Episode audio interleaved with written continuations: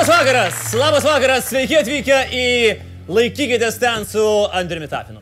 Tai jau ketvirtoji mūsų laida ir tai reiškia, kad mes esame jau sukūrę daugiau laidų negu aktorių trijo yra aktorių, daugiau laidų nei Valtyje yra žmonių, neskaitant šuns, ir daugiau laidų nei Lenkų rinkimų akcijos pirmajame dvidešimtuke yra kandidatų jaunesnių nei 50 metų.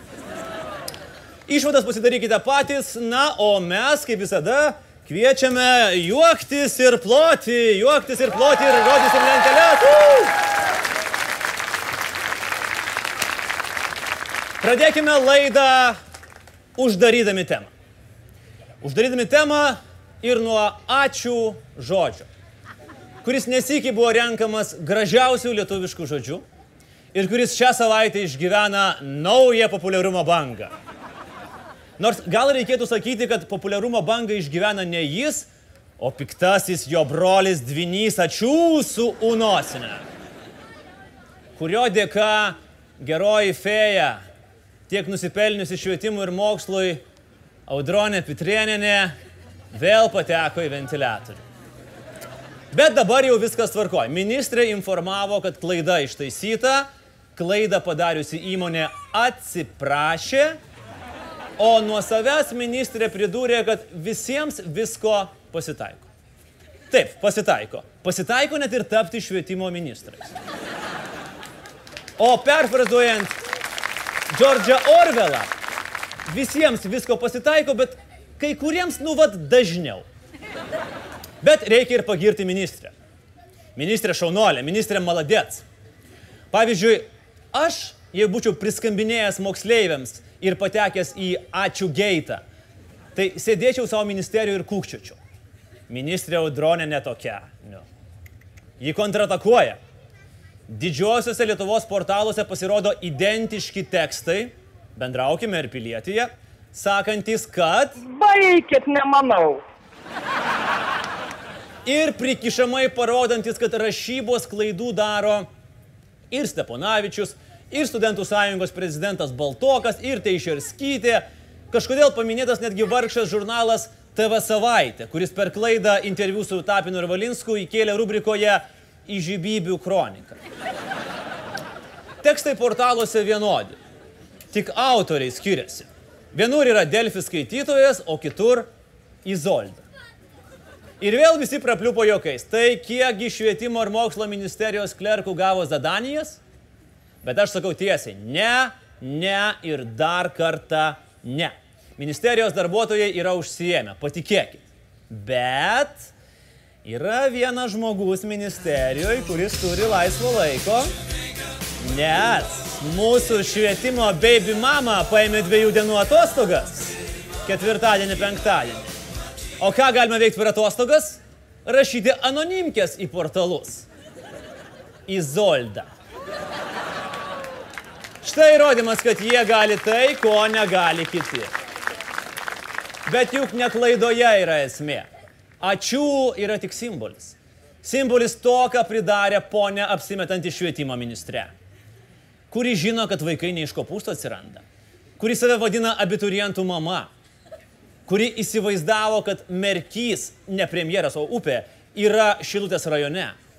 Kuri turėjo gerą laiką Londone su savo vyru kuri mokytojų algas pakėlė iš neformaliojo moksleivių ugdymo krepšelio, kuri nežinojo, kad ekonomika yra socialinis mokslas ir kuri iš pat pradžių buvo vadinama ministrė iš bėdos. O dabar ją galima drąsiai vadinti mūsų švietimo sistemos amžiaus tamsos Madona. Ir ką galvojo, ką vad galvojo, skirdama šią ponę ministrę Respublikos prezidentę. Nebent jį iš tiesų norėjo sukompromituoti vyriausybę. Tada plojam. Prezidentai tai puikiai pavyko. Aš nesuprantu tik vieno dalyko. Prisipažinsiu, vieno dalyko aš tikrai nesuprantu. Kodėl, jeigu tu jau esi švietimo ir mokslo ministras, ar ne, padarėjai klaidą, tai negi sunku ministrui paskambinti į Lietuvių kalbos institutą ir tiesiog nurodyti atgalinę tvarką pakeisti žodžio rašybą. Viskas. Nėra problemų. Bet būkim visiškai bėdini kaip Laisvės TV, paremkite mūsų Patreon platformoje, prašom. Bet teisingi. Ministrė Pitrieninė nėra pasaulio rekordininkė klaidų žodžiai ačiū skaičiumi. Netgi Lietuvos nėra rekordininkė. Iš Varienos liberalų sąskrydžio grįžęs, dabartinis Varienos rajono meras Algis Kašėta, beje, jis būdamas Seimo nariu turėjo unikalų elektroninio pašto adresą alkašė.lrs.lt. Štai būtent šis puikusis meras sugebėjo įprūdyti dvi, dvi klaidas viename žodėje ačiū. Ačiū, ačiū, ačiū. Na, o dabar liudesys ir savigrauža. Anoje laidoje šmaikštavom, kad esame nelegalai. Tai va, pagal uh, kontekstinį mūsų laidos šūkį, uh, klaunai esame. Blemba, Andriu, pat kas už liežuvio tave tempia, ar ne? Aš savo galiu paklausti. Nes laisvės televizijai prasidėjo paskutinė atskaita. It's the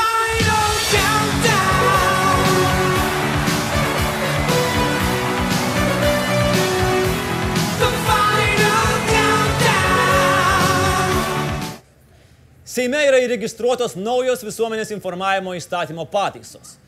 Ir jos it damoklo kardas pakybo ir virš mūsų, ir virš visų šitų tapinistinių zombelių, ir virš Lietuvos YouTuberių, ir virš paties YouTube'o.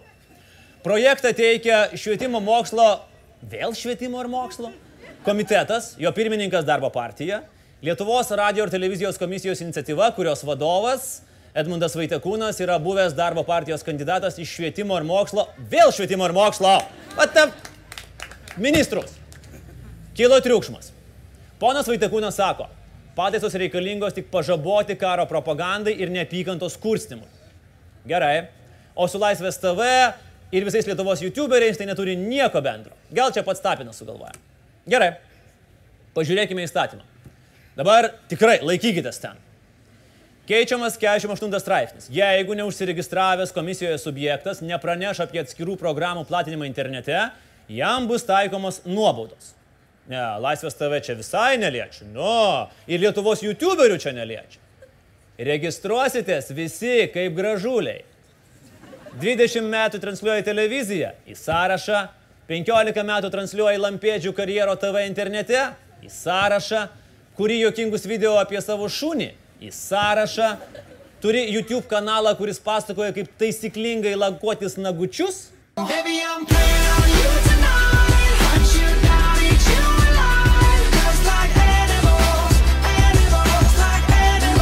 Mila Lietuvos YouTuberė puikių pavadinimų Nagai Nagučiai.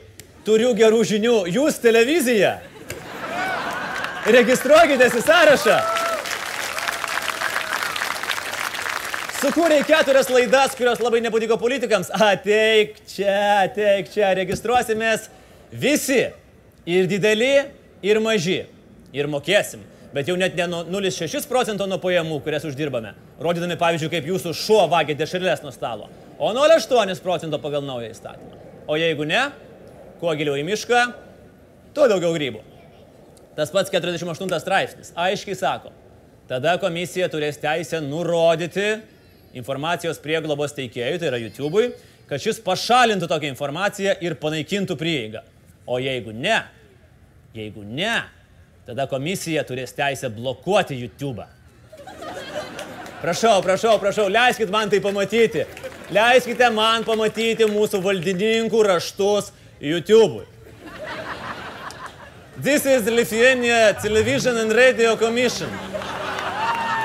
You must remove from YouTube Freedom TV and the show Hold Yourself There with Andrew Stapinas from internet because they, because they, because they make fun of us. They drive us crazy. If you don't remove, we remove you from the, the brave country of Lithuania until the Germans come.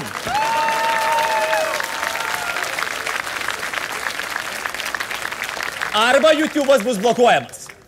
Ir ne tik YouTube komisija užblokuos, daug kitų gerų portalų su video turiniu. Arba ir Brothers, Ir tas kitas tiup, nu tas socialdemokratinės spalvos. Turės registruotis. Ir aš jau matau sceną. Užsimerkit, įjungit fantaziją, jūs irgi pamatysit.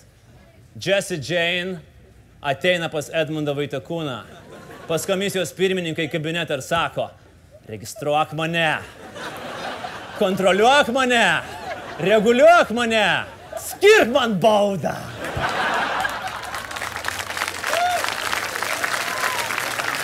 Iki šiol tavo buvo tik tai 0,6, dabar jau 0,8. O šiaip sakau, jeigu pasodinsim šuniuką, na tokį mielą, mielą, pilotuotis raiktasparnį gerai nebus. Taip ir su švietimo ir mokslo komitetu. Internetą kontroliuoti veržiasi valstietė Rima Baiškienė, kurios oficialus puslapis atrodo va taip. Ir man tai primena kažkokį slaptą džihadistų pokalbių kambarį. Bet ponia Baškienė, Valstiečių ir Žaliųjų partijos trečiasis numeris, prisiminkit, mano, kad gali užblokuoti YouTube. Kaip ten bus, matysim. Triukšmas kilo, netgi pataisas teikęs konservatorius Vytautas Jozapaitis. Skubiai parašą atšaukė ir mušėsi į krūtinę, sakė, esu kaltas, esu kaltas, esu labai kaltas, nenoriu reguliuoti Jesses Jane.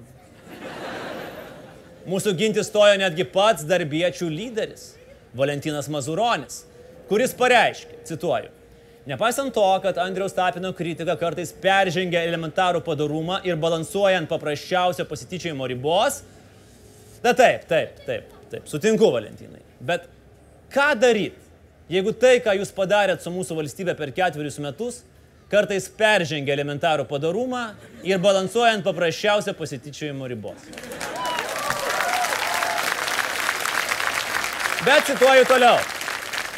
Laisvos žiniasklaidos iniciatyvos, tame tarpe ir Andriaus Tapino laidą, rėmiau ir remsiu, sako Valentinas Mazuronis. Ačiū gerbiamas Valentinai, bet pats žinot, kad už ačiū nipastroji išdačių. Seno kirpimo žiniasklaida mokėjo ir tebemoka reketuoti politikus. Ypač prieš rinkimus, kai nori šių pinigų. Tai kuo mes esam prastesni? Pareketuokim. Paremkit Laisvės televiziją, gerbiamas Valentinai. Duokit dolerį. Duokit dolerį, Valentinai. Valentinai, duokit dolerį. Hashtag Valentinai, duokit dolerį. Nes doleris, kaip pasakytų Vytautas Gapšys, ir darbo partijoje doleris. Beje, lengvas asmenybės susidvejinimas kamuoja darbo partiją ne tik laisvės televizijos klausimų. Jų pačių vaizdo klipą YouTube. Oba, ir darbo partija yra nelegalai YouTube. Ir jeigu bus priimtas jų pačių pasiūlytos pataisos, jie turės registruotis ir mokėti 0,8 procento nuo juodosios buhalterijos pajamų. Bet yra dar geriau. Kaip sakoma, wait for it. Jų klipą YouTube apie pabėgėlių grėsmę, ta pati televizijos ir radio komisija, kuriai vadovauja beveik jų švietimo ir mokslo ministras, pripažino kurstančių neapykantą. Kas šitiems žmonėms yra negerai? Valentinas sako, ne, nėra jokios čia neapykantos. Na gerai, pažiūrėkime dabar visi drauge. Ką darbo partija galvoja apie pabėgėlius? Aš jaučiu grėsmę. Jaučiu ir man labai liūdna ir tikrai nenorėčiau, kad mano anūkai jaustųsi nesaugiai, Mesgi šitų žmonių negalim patikrinti, kas jie tokie. Nes tarp jų gali būti tas žmogus, kuris iš tikrųjų dėl savo tikėjimo valstybės gali mirti. Džiaugiesi, kad Lietuvoje to nėra, kad čia dar ramu pas mus. Darbo partija prieš didėjantį pabėgėlių srautą ir mes būsime vieninteliai, kurie kovos prieš pabėgėlių nešamas papildomas išlaidas, nesaugumą ir nerimą. Darbo partija. Tai, ko negali kiti. Ramiai, ramiai, publika. Dabar jau aš turiu pasakyti. Remiu Valentiną ir esu prieš cenzuravimą, taip? Už kitą nuomonę mes galvą padėsim. Pavyzdžiui, kita nuomonė. O ką patys atvykėliai galvoja apie darbo partiją?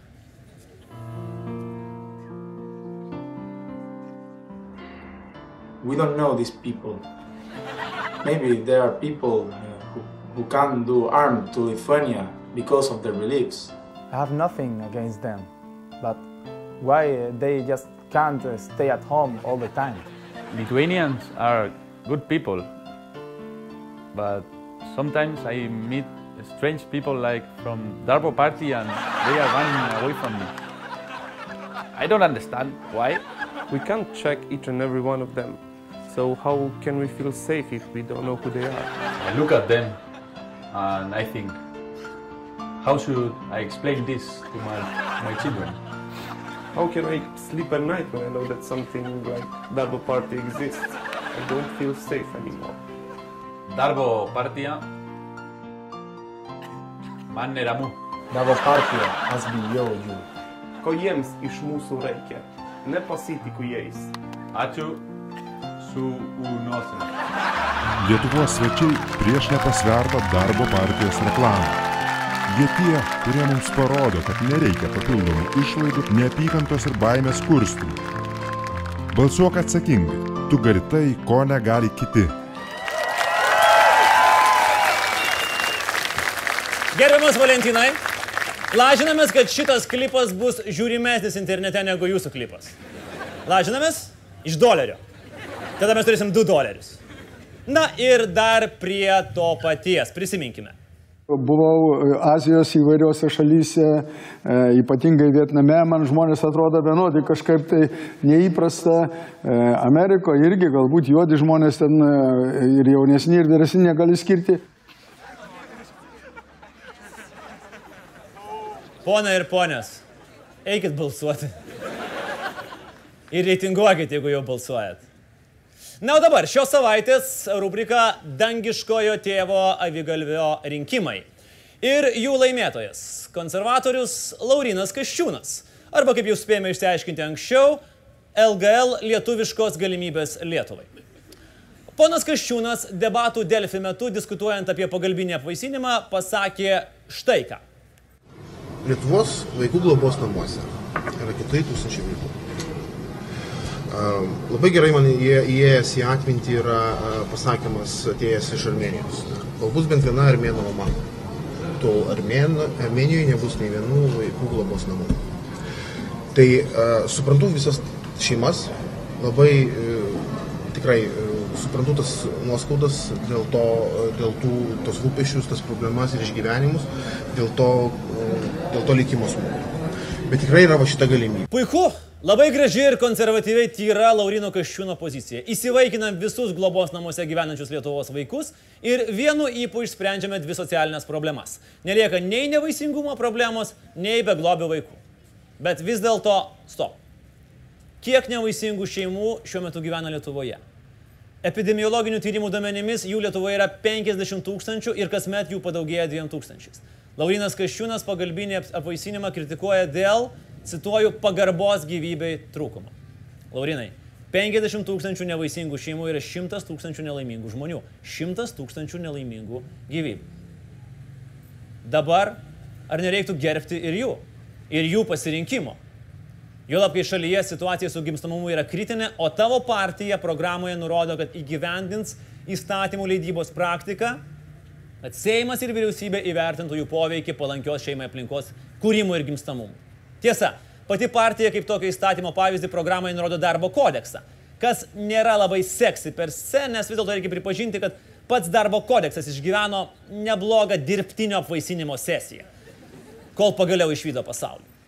Turim 50 tūkstančių nevaisingų šeimų ir atsiranda toks įdomus kampas 4 tūkstančius vaikų. Dalinams kažką ten skaičiuojam, kažką sukam, kažką bandom. Ir tai reiškia, kad vaikų yra maždaug 12 kartų mažiau nei šeimų. Vaikas kaip perinamasis prizas.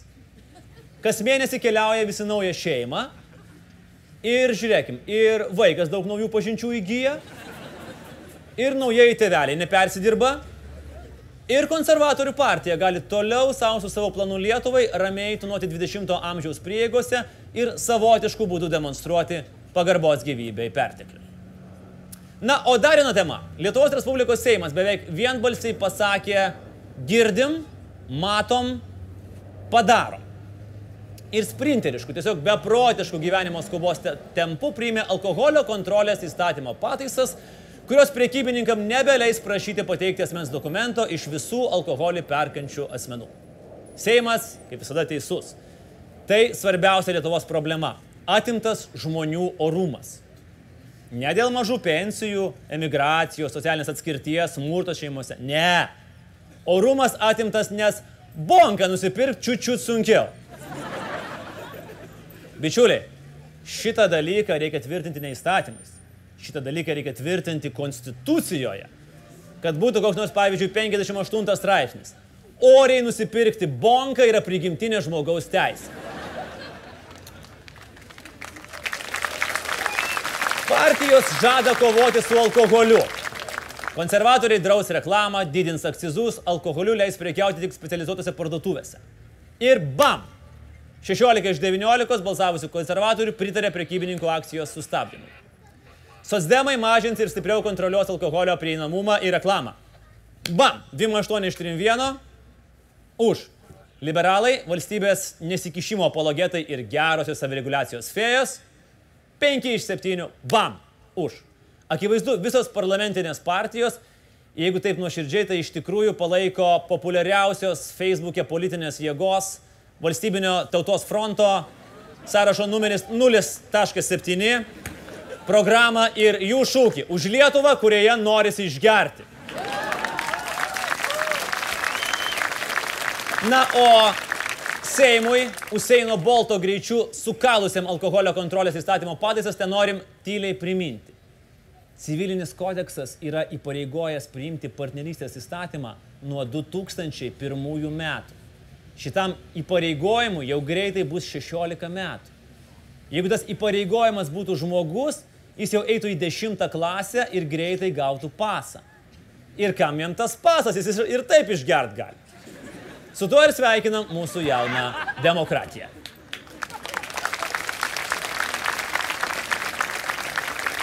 O dabar rimtai.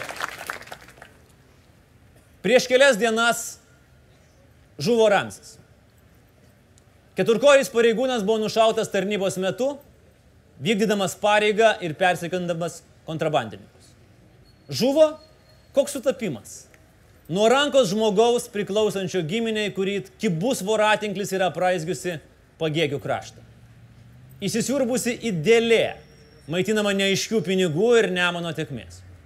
Ir koks sutapimas, kad Arvidas Komskis medžiojo kaip tik tuo metu ir toje vietoje, kur pareigūnai gaudė kontrabandininkus.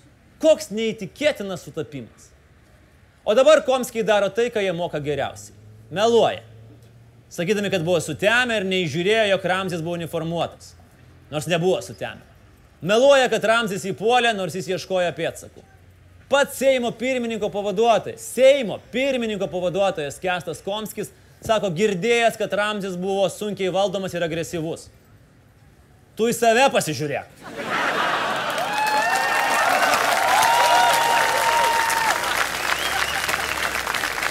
Kinologai turi įrodymų, kad jis buvo vienas profesionaliausių tarnybinių šunų. Komskis sako, kad brolis šovė ne iš šunio pro šalį, bet kulka atšoko ir pataikė. Ekspertai sako, kad Komskis nusišneka ir taip negali būti. Jis netgi mėgina kištis į teisės saugos darbą ir daro tai taip grubiai, kad net jau Seimo pirmininkiai Loretai Graužinieniai tai daug ką pasako, nebelaiko nervai ir jis siūlo Komskijui trauktis iš pirmininko pavaduotojo pareigų. Ir dar atsiranda glušių, kurie gina gyvenančius pagėgių prieblandoje. Priestaiką sulaužęs prezidentas Paksas, kuris sako, kad labai norėtų, kad atsipeikytų tie, kurie kūrė skandalą ir puola vargšą Komskį. Ir dar keli kiti, kurie sako, kad tai tik šuo. Tai ne tik šuo. Dar tarpukaryje, tarpukario Lietuvoje tarnybiniai šunys buvo nepamainomi padėjėjai. Istorikai prisimena nutikimą 33 metais, kai tarnybinis šuo ištraukė lakiajame kuršių nerijos smėlėje skendusi savo šeimininką pasenietį. Ramzis daugiau nei šuo. Tai yra simbolis.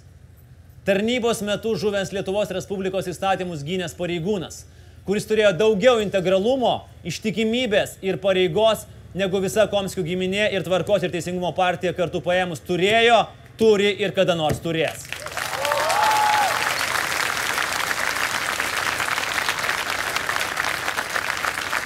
Todėl prisiminkime ir pagerbkime pačius ištikimiausius pareigūnus.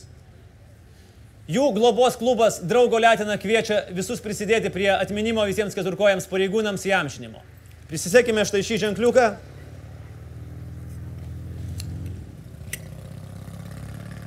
Ir taip pat norėčiau atkreipti dėmesį, kad sąskaitą paramai matote ekrano apačioje. O pabaigai dar noriu pasakyti. Mano jaunieji draugai, jeigu dar abejojate, ar eiti balsuoti, jeigu jums dar reikėjo vieno vienintelio argumento, štai jis.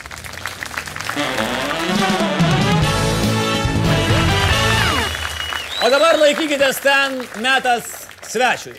Ir aš norėčiau pakviesti žmogų, kuris visada sako tiesą, kuris turi daug priešų, galbūt yra kartais neįvertintas, nesuprastas, bet jis visada sako tiesą, eina prieš srovę ir nebijo nepalankių nuomonių.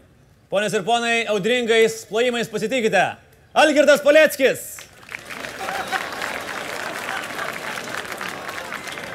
Jūs sekmadienį pamatysit savo veidus. Dievėm, o dar, o dar sako, atskundžiamės, kad paskambina telefoniniai sukčiai ir atima pinigus. Paleckis sakantis tiesą, jūs galvokit, kad ir nesainės dalykai. Polis ir ponai, pasitikime, Lietuvo žurnalistikos mega žvaigždė, Rita Miliutė.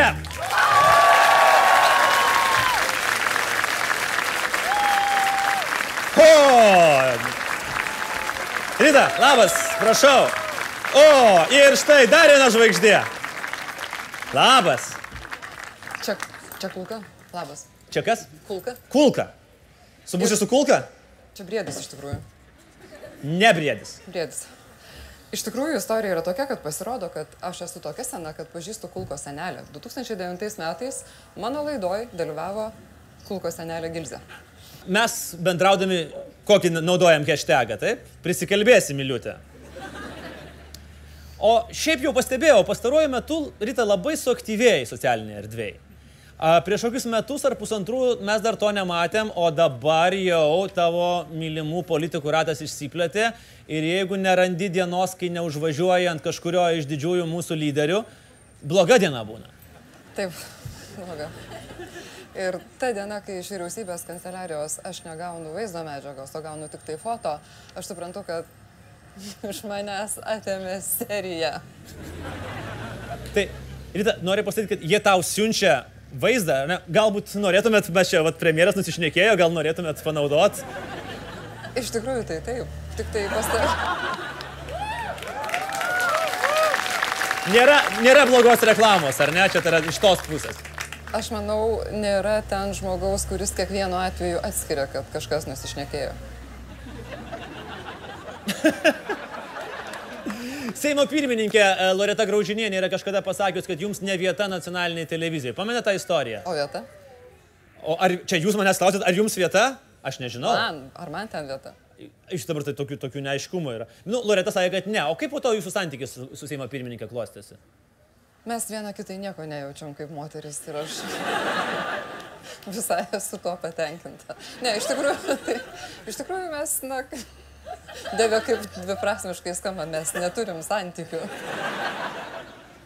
Koks jūsų įsimintiniausias interviu? Ar tas, kur e, premjeras Paksas vidurį intervo nusiplėšė mikrofoną ir spjaudinamas jis ten kažkur nuėjo į tolių? Buvo toks interviu. Buvo, buvo, buvo prie cirkos paminklo 98 metais. Mes jo paklausėm, kodėl jisai keičia nuomonę.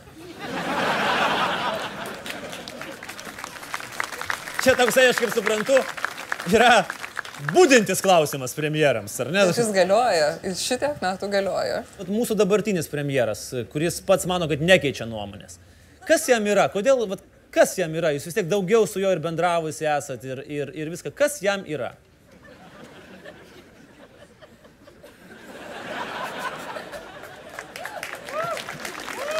Norite nusiplėšti mikrofoną ir išeiti? Vienintelis galimas tikėtinas paaiškinimas yra, kad turbūt žmogus vėlgi neatsimena, ką jis yra kalbėjęs prieš tai, nes, kaip sakė premjeras, žmogus yra toks užimtas, kad nu, negali visko atsiminti. Mm. Mes va, su, su kartu važinėjom į e, skirtingas apygardas, organizavom debatus. Kokie įspūdžiai iš e, debatų e, rinkiminės kampanijos, kuri vyksta regionuose? Ta mažoji, gal kas labiausiai įsiminė va, iš tų važiavimų? Man labiausiai įsiminė ir čia tikrai nejuokinga, čia yra labai rimtas dalykas. Aš jaučiuosi išdidžiai pamačiusi tuos jaunus žmonės, kurie savanoriauja šitam Mhm. projekte. Tai yra kažkas visiškai utopiško. Ir tu jautiesi išdidus, tu jautiesi laimingas ir tu galvoji, palaukit, jie dar ne visi gali balsuoti, bet kai jie balsuos, tai gal tokių debatų nebereikės, nes tokių politikos stipenų, kaip mes kartais matom ateinant į sceną ir sako, balsuok už mane, aš tave pavaldysiu ketverius metus, tai turbūt jau tada ir nebebus. Politikos stipenų. Taip. Hashtag. Ar yra tikimybė, kad pagėgiai pradės viruoti būtent dėl Ramzio istorijos? Ar Aš, ne? aš labai norėčiau, nes kaip tu ir sakei, tas šuo iš tikrųjų turėtų būti simbolis to, kas buvo padaryta pagėgiams. Nes, na, negali būti žmonės šitiek nuolankiai akli ir nematyti, kas vyksta, kaip su jais yra elgiamas. Bet kodėl taip yra? Vat mes dabar esame čia, Vilniuje, yra aplinkui tūkstantis jaunų žmonių mūsų klauso. Jie turbūt net neįsivaizduoja, kad pavyzdžiui Vilniui galėtų tai būti. Arba Kaune galbūt. Aš suprantu, kad ten irgi yra savų problemų, bet kad taip, kodėl, kas ten vyksta, kaip jūs galvojate? Juk žmonės patys ir išsirenka juos, juk ten nėra vis tiek nuo tokio Lukašenkinio, sakykime, balsavimo. Balsavimo. Balsavimo, jo. Mhm. Režimas Tai ten. Aš manau, kad daugybė tų jaunų žmonių, ten yra režimas turbūt, nes, na, kai viskas yra vienos giminės rankose, arba gali manyti, kad viskas yra vienos giminės rankose, tai tiem žmonėm, na, yra sunku pagalvoti, kad, o ką aš darysiu, jeigu užlipsiu ant statinės arba pastapinu į sceną ir pasakysiu, jie mum liepia. Mm? Kaune ir Vilniuje turėsi kur nueiti, pagėgiuose, na, nebent per Nemuną. Mm. Į Kaliningradą. Andrų, taip, Ką daryt? Kaip balsuoti. balsuoti? Balsuoti atsakingai. Dabar prasidės toksai jau rimtas interviu su analitiniais klausimais, nes čia tai buvo tokios baikės apie premjerą. Rita, jūs labai nemylite savo šuns. Ir žinot, aš dėl... A, taip.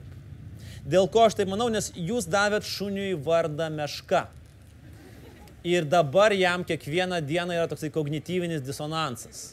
Jis Ne. eina per veidrodį ir galvoja, aš meška. Ne? Ne, iš tikrųjų. O koks tai šu- šuo yra didelis ir baisus, taip? Didelis ir baisus. Ko, kokia veislė? Didelė ir baisi. Nu, bet vis dėlto. Labai didelė ir labai. Baisi. Ne. Nu, pasakykit jau. Ne. Negaliu. Meška sakė, kad tai yra jos privatus reikalas ir leido pasakyti. Bet nėra taip, kad ji eina ir žiūri į veidrodį ir sako, aš meška. Jis pamato mešką, pavyzdžiui, kokiam nors Animal Planet ir sako, o čia aš. Jūs žiūrite su savo šunimi Animal Planet? Jo. Mes viską žiūrim kartu su šunim. Ir rin- rinkiminius debatus žiūrėjo su šunim. Kodėl jūs traumuojat savo gyvūną? Pažiūrėsim, kaip patars man balsuoti. Kiek turėjot šunų gyvenime?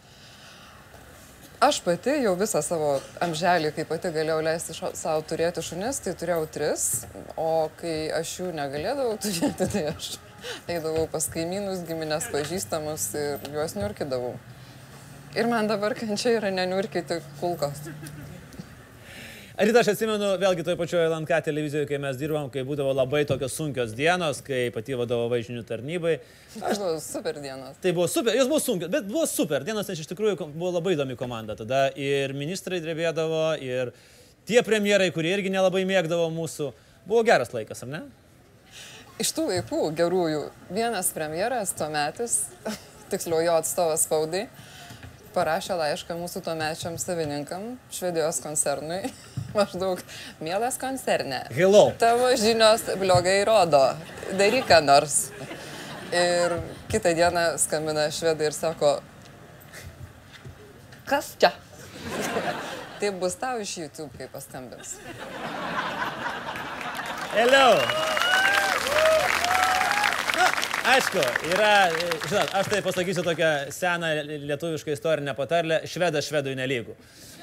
Yra vieni geri švedai ir yra kiti švedai, kurie gal netokie geri. Uh, taip, ir tada grįžtant prie to, ką aš, nu, nuo ko aš pradėjau, Prie meškos, tai ir aš atsimenu rytą sakančią, aš tai norėčiau viską mesti ir būti šu... Aš, su manim niekas neužsima. Aš atėjau ant scenos ir aš negaunu dėmesio. kažkokią miliutę kalbina. Ir aš norėčiau viską mesti ir mano didžiausia svajonė būtų būti šunimi. Norėtum būti šunimi. Žiūrint kieno. O gerai, kieno? Pasakyk man Lietuvo žmogų, Mano. kurio šunimi tu norėtum būti. Mano. Pati savo šunimi norėtum būti.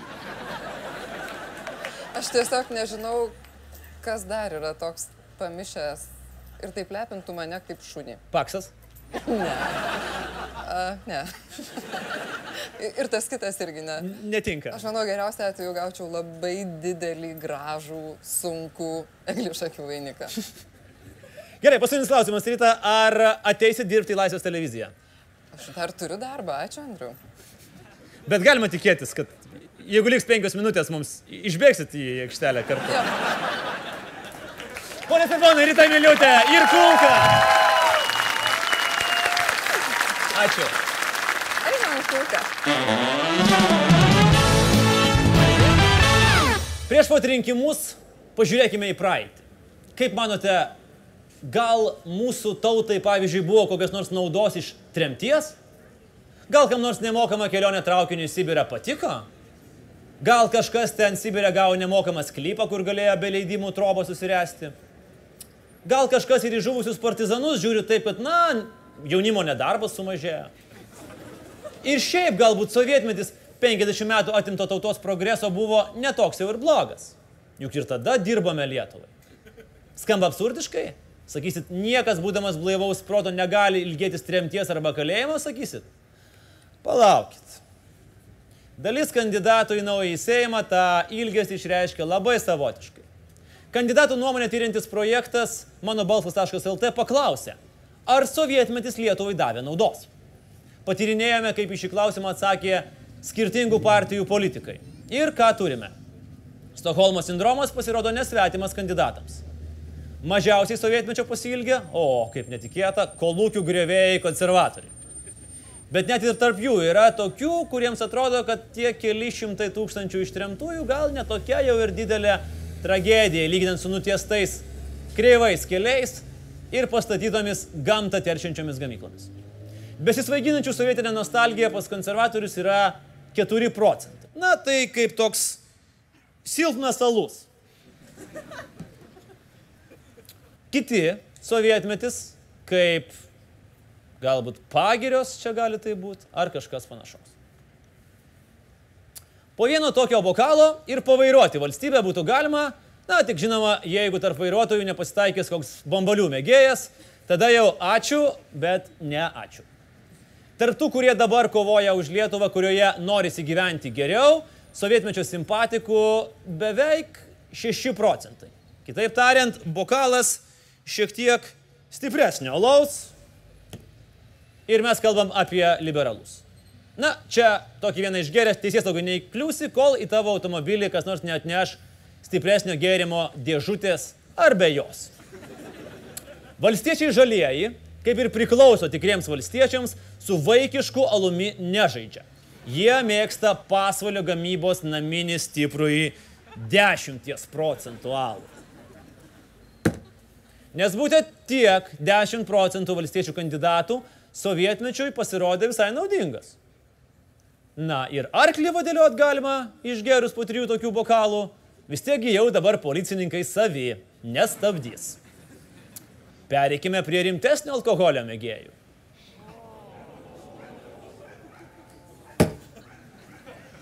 Kaip manote, kurioje partijoje 40 laipsnių, tai yra, atsiprašau, procentų kandidatų mato sovietmečio naudą? Taip. Tai socialdemokratai, kurie girdi, mato ir padaro. Po 40. Na kągi, mėgėjai baigėsi, keliaujam į profesionalų lygą. Štai darbiečiai gaminasi alkoholį patys.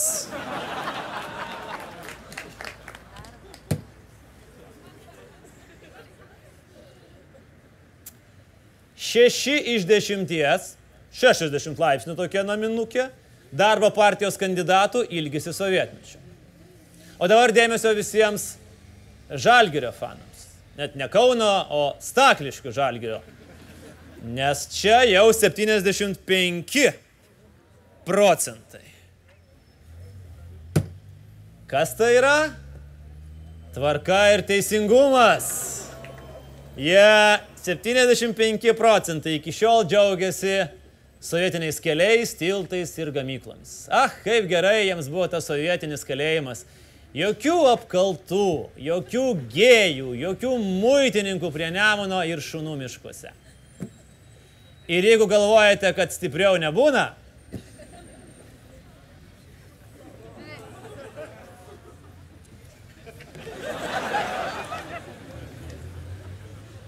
Grinų griniausias alkoholis. Šimtas procentų. Ir grinų griniausia nostalgija - Lenkų rinkimos akcija.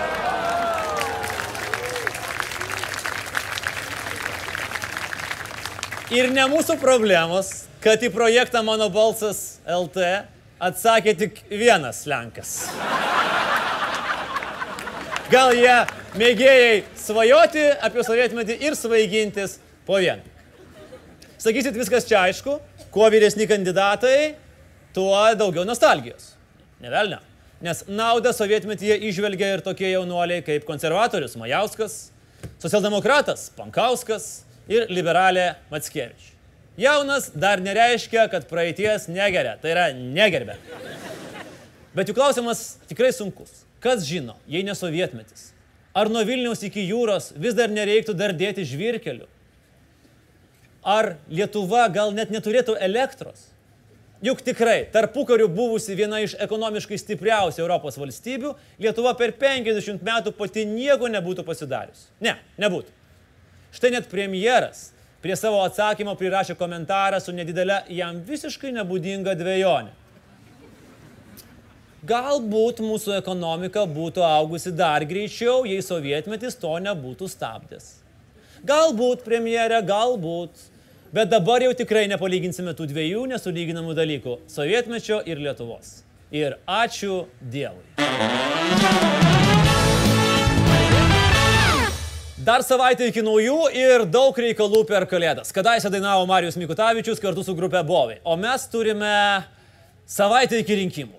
Ir vieną nesutvarkytą reikalą. Galutinį ir neskundžiamą įsakymą savo eiti ir balsuoti. Skundžiatės, kad nėra iš ko rinktis, kad vis tiek niekas nepasikeis. Aš galiu pasakyti tik vieną dalyką. Tikrai niekas nepasikeis, jeigu nieko nedarysim. Pasirinkti sunku. O kada buvo lengva, ypač jeigu tu sergi už Anglijos futbolo rinktinę. Ar buvo lengva pasirinkti, ko norite tapti, kur norite dirbti, su kuo norite susijęti savo gyvenimą, kiek turėsite vaikų, kokius dalykus jiems norėsite įskiepyti, kokius norėtumėt, kad jūs prisimintų kiti žmonės ir svarbiausia, kaip to pasiekti. Rinktis nebūna lengva, bet tikrai reikia. Nes tik nuo jūsų priklausys, kiek vykęs bus tas naujas filmas. 141 namuose 8. Ir tik nuo jūsų priklausys, ar mūsų laida turės kiek įmanoma mažiau medžiagos. O jūs progų šaipytis iš politikų. Todėl laikykime ten ir susitikim spalio 9 prie rinkimų urnų, o po to tiesioginėje Laisvės TV rinkimų nakties šou.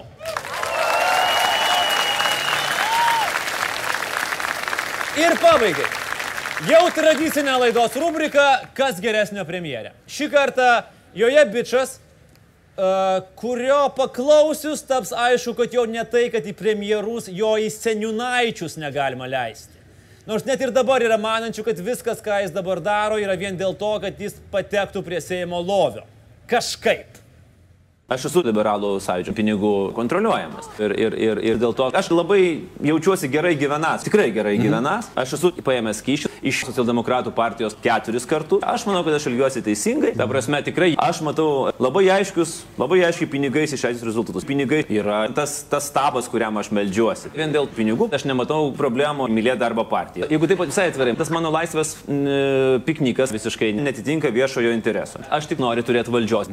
Bet jeigu man net kažkas įskūs, tai lieks iš darbo. Jeigu taip visai atvirai, mano viena iš problemų yra alkoholio vartojimas ir alkoholio vartojimas už vairo. Tai man norėtųsi, kad visada būtų 30 procentų nuolaida stipriam alkoholiui. Man, man yra labai gražu, kaip koks nors girtas Antanas Guoga prie Vilnius universiteto talžo jaunus studentus. Nu, kažkaip keista, kaip mūsų švietimo ministrė, kuri yra, e, jeigu aš neklystu, Oksfordo PhD, turi daugiau laiko blevizgam arba anegdotams negu socialdemokratų partijos nariai. Ar jūs hipsteris? Ne, aš nesu hipsteris, tiesiog aš labai greitai kalbu ir kartais, man, man, aš, čia klausytojai bus labai įdomu pamatyti. Aš manau, tai kaip, taip, kad- kaip iš ataskaitos, kurios galbūt galėtų į... Ir tas nuostabus Algio juokas. Ponios ir ponai, buvo labai smagus penktadienio vakaras. Ačiū visiems žiūrėjusiems. Ir laikykitės ten. Ačiū.